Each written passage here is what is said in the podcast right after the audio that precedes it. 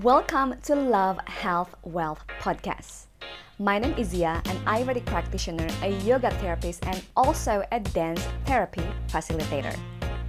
Every Tuesday and Friday, we're sharing with you valuable information and inspiring interview, offering you a more holistic approach to love, health, and wealth, so that you can have the body and life you love and love the body and life you have. With so much love and excitement, let me present to you today's episode. Halo, selamat datang di Love, Health, Wealth with me, Zia, the holistic source for you to have the body and life you love. Di episode ke-7 kali ini, aku bakal bahas tentang how to create a life you love. Gimana caranya punya dan membuat kehidupan kita menjadi sesuatu yang sangat kita cintai dan kita banggakan. The first secret is buat tahu dulu apa dosa kamu. Kenapa? Kok ada hubungannya tentang dosa sama membuat kehidupan yang kita cintai? Well, simple because first, we believe in Ayurveda, and I personally believe that everyone born for a purpose. Setiap orang itu lahir ke dunia ini dengan tujuannya masing-masing. I don't think God, universe, life, whatever you call it gitu kan, dewa dewi, nggak cuma membuat kamu ke dunia ini and then you're just like, okay, just figure yourself out. Zia, ya udah terserah lo aja mau ngapain di bumi. I don't think there's just meaningless thing about life. Saya percaya bahwa setiap ada setiap kehidupan, setiap orang lahir dengan tujuannya masing-masing. Begitupun dengan saya gitu kan. Nah, dengan tahu apa dosa kamu atau si Ayurveda itu si Vata Pitta Kapha itu juga udah ngasih hint tentang apa sih tujuan hidup kamu. Dan kemudian kamu jadi tahu gimana caranya membuat hidup lebih hidup dan membuat hidup yang sesuai sama kebahagiaan kamu. Karena ya kata bahagia sebenarnya beda satu sama lain. The things that makes me happy, happy and a life that I love pasti berbeda sama uh, konsep bahagia dan life that you love for you. On the caption below, there's a link to watch that video atau juga link buat download si dosha quiznya supaya kamu bisa assess sendiri dan tahu apa birth constitution kamu. Are you Vata, Pitta, Kapha in your body, in your mind? Atau apakah kamu campuran? Yes, everyone can have the three dosha. Setiap orang punya ketiga-tiganya, perbedaannya adalah proporsinya. Kalau kamu udah tahu apa dominan dosha kamu, sekarang kita akan briefly check, briefly talk about how to know what life purpose that you have in this life by understanding your dosha. Contohnya, Vata, dominan elemennya adalah ether and air. So they're the lightest and because of that, because their dominant element is ether atau the element of the spirit, mereka adalah orang-orang yang sangat kreatif. Dan mereka tuh sangat mobile, nggak bisa diem karena elemennya adalah udara. Makanya Tadi di eh, video sebelumnya saya ngebahas tentang orang Fata ini yang sering diomongin tentang kamu angin-anginan tidak bisa ditebak gitu kan. It shows that the kind of life that they need to have that makes them happy bukan sesuatu yang predictable. Makanya kerjaan buat orang dominan Fata bukan kerjaan yang kayak 9 to 5 doing the same thing every day gitu kan. Nah, lagi-lagi ini Fata bisa Fata secara fisik atau Fata secara pikiran. Jadi, let's say if you're have more like heavy body gitu kan, which shows that there's kapha body type. Tapi pikiran kamu misalnya um, dosanya adalah vata, it shows it doesn't mean that you just stay at home gitu kan? It also means that yes you also have that tendency to also want to have unpredictability you want to have that creativity side about you that you want to express to the world gitu kan? Selanjutnya kalau pita one of the ideal way for them to live their life is to have goal oriented. They're really good on leading. Mereka tuh bagus banget buat uh, bikin sesuatu buat starting something karena mereka orangnya sangat goal oriented dibanding yang lain khususnya buat Fata. Kalau Fata orangnya random nggak bisa ditebak gitu kan. Kas kalau orang Sunda bilangnya sangat nah in terms of like ya gue mau ngelakuin sesuatu ya terserah gue mau kapan gitu kan. Kalau orang Pita karena mereka elemennya api sangat oriented goal oriented gitu kan mereka kalau udah set something with the eyes on the prize, mereka akan bikin rencana sangat organizing, sangat detail buat sampai ke tujuannya. Jadi kalau misalnya kamu orang dominan pita nih atau punya teman pita, if you wanna get along with them, make sure that you're aligned with their purpose. Nah, selanjutnya kalau orang dominan kapha, whether in the body or in the mind, this is the type of people that are a really really good supporter. Nah, ini tuh sayangnya di society yang kita hidup sekarang, saya pengen menekankan, kita tuh kayak di brainwash tentang kayak this is the ideal job, this is the ideal body, this is the ideal life that you have gitu kan.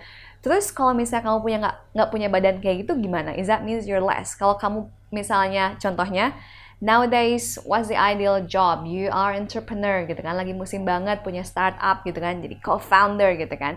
And for someone like me gitu kan yang I just wanna travel the world gitu kan. I wanna do things unpredictably. I wanna do things at my own time. Gua nggak mau disuruh, gua nggak mau kayak harus organize all the time. I want to experience the beauty and the joy and the greatness of life gitu kan. Is that means like I'm less compared to like the co-founder of a startup? No.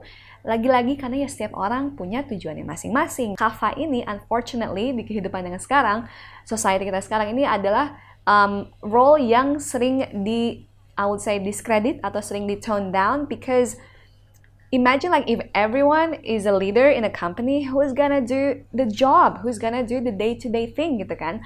I really adore people who can do the same thing every day gitu kan? And for example aku punya teman di Australia and then he's a builder he's a mechanics gitu kan? Um, dan karena di brainwash gitu kan tentang like the great ideal job adalah buat jadi entrepreneur. So he tried to be entrepreneur only to soon found out bahwa gue nggak bisa. Actually I don't have the skill set for it. Yes yes ya ya ya gitu kan. Ada beberapa hal yang emang kamu bisa latih gitu kan. Tapi kan tergantung nggak sih? Tergantung fondasinya gimana. Misalnya A sama B ya orang ini emang bawaannya lebih goal getter yang ini mungkin less than that. So if you learn the same skill one person will learn faster and better gitu kan. Not that the other one is dumb or stupid. It's just because their skill is meant to do in meant to be shared in another areas of life. Then after that, shortly, he realized that actually, I just love doing what I did. I love actually building things and that's what I'm good at. Jadi kebayangkan kalau misalnya dunia ini semua orang mengerjakan hal yang sama, everything is like so homogeneous, the kind of work, the kind of body, life will be so boring. And actually, studi membuktikan bahwa society yang punya um, berbagai jenis orang dengan berbagai jenis skill, they actually survive more in the long run. Karena kalau misalnya ada catastrophic thing gitu kan, itu orang-orangnya punya banyak skill yang berbeda buat men, apa namanya, menghadapi si challenge of life that might come gitu kan. Tapi kalau misalnya semua orang skill setnya sama ya, we can't really think out of the box. Contoh lain tentang the kind of life that is ideal that makes these three dosha happy and the life that they love is let's say vata. Karena vata itu elemennya adalah ether and air, so they uh, would love, they will be enjoy enjoying the kind of life that can give them uh, a sense of self-expression. Mereka butuh sesuatu yang unpredictable, sesuatu yang bikin mereka joyful and looking forward for the newness. Pita, lagi-lagi, it needs to be something that is goal-oriented. Kafa, something that gives them the ability to connect with other people. Orang kafa itu sebenarnya they are the most loving, not that the others don't love, it's just they are the nurturer of the society, they are the supporter. Makanya orang kafa ini um, in whatever situation, life situation, environment, and work, they need to be able that they feel they're giving to others they feel that they're being loved, they feel that they're being appreciated for what they do. At the same time, gitu kan, kalau kita terlalu dominan di elemen di dosha kita tadi, itu bisa bikin imbalance tentu saja. Something yang terlalu banyak walaupun itu bagus ya lagi-lagi nggak bagus kan. Contohnya kalau orang dominan Vata terlalu banyak elemen unpredictable dalam hidupnya. Terlalu kreatif terlalu misalnya banyak ide itu juga nggak bagus. Jadi contohnya kalau orang Vata yang imbalance dalam konteks seperti itu adalah mereka punya banyak terlalu banyak ide tapi nggak ada realisasinya. Kalau orang Pita mereka jadi terlalu goal oriented sampai mereka lupa be here in the now. They forgot about their family. Jadi tipikal orang yang kayak businessman yang kayak goal goal goal, goal, achieve ini, achieve itu, achieve itu. And then when they're in the top of the mountain gitu kan, yang pengen mereka raih, pengen mereka capai, looking back they realize, teman-teman gue ke mana ya? Oh my god, I forgot about my wife. Oh my kids, they already grown up. Karena aku terlalu fokus sama goal oriented. So it's not they focus they too focus on the goal. Makanya buat buat pita, sorry, they, it is important for them to also how to have time to be in the present moment. Buat Kava, it also good for them to do the opposite, yaitu melakukan sesuatu yang unpredictable, so that they're not stuck in the same pattern, in the same routine. That there still other things, masih banyak yang harus bisa dieksplor gitu kan. Jadi mungkin orang Kava ini nggak realize actually they can also do this thing. Actually aku juga punya skill ini loh yang tidak pernah aku coba.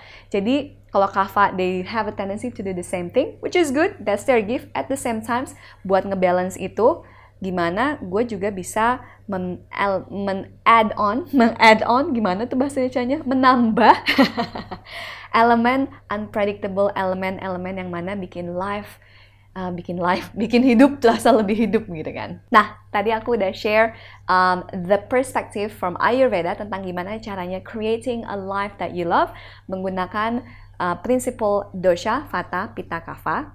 Selanjutnya, ada satu prinsip lagi yang aku pengen sharing buat gimana caranya creating a life that you love even more. Nah, kalau di Ayurveda, yaitu juga sebenarnya sister science-nya yoga, ada konsep namanya Purushartha or the four aims of life. Kalau kamu pernah dengar istilah namanya Ikigai, atau yang dari Jepang tuh tentang how to find a purpose.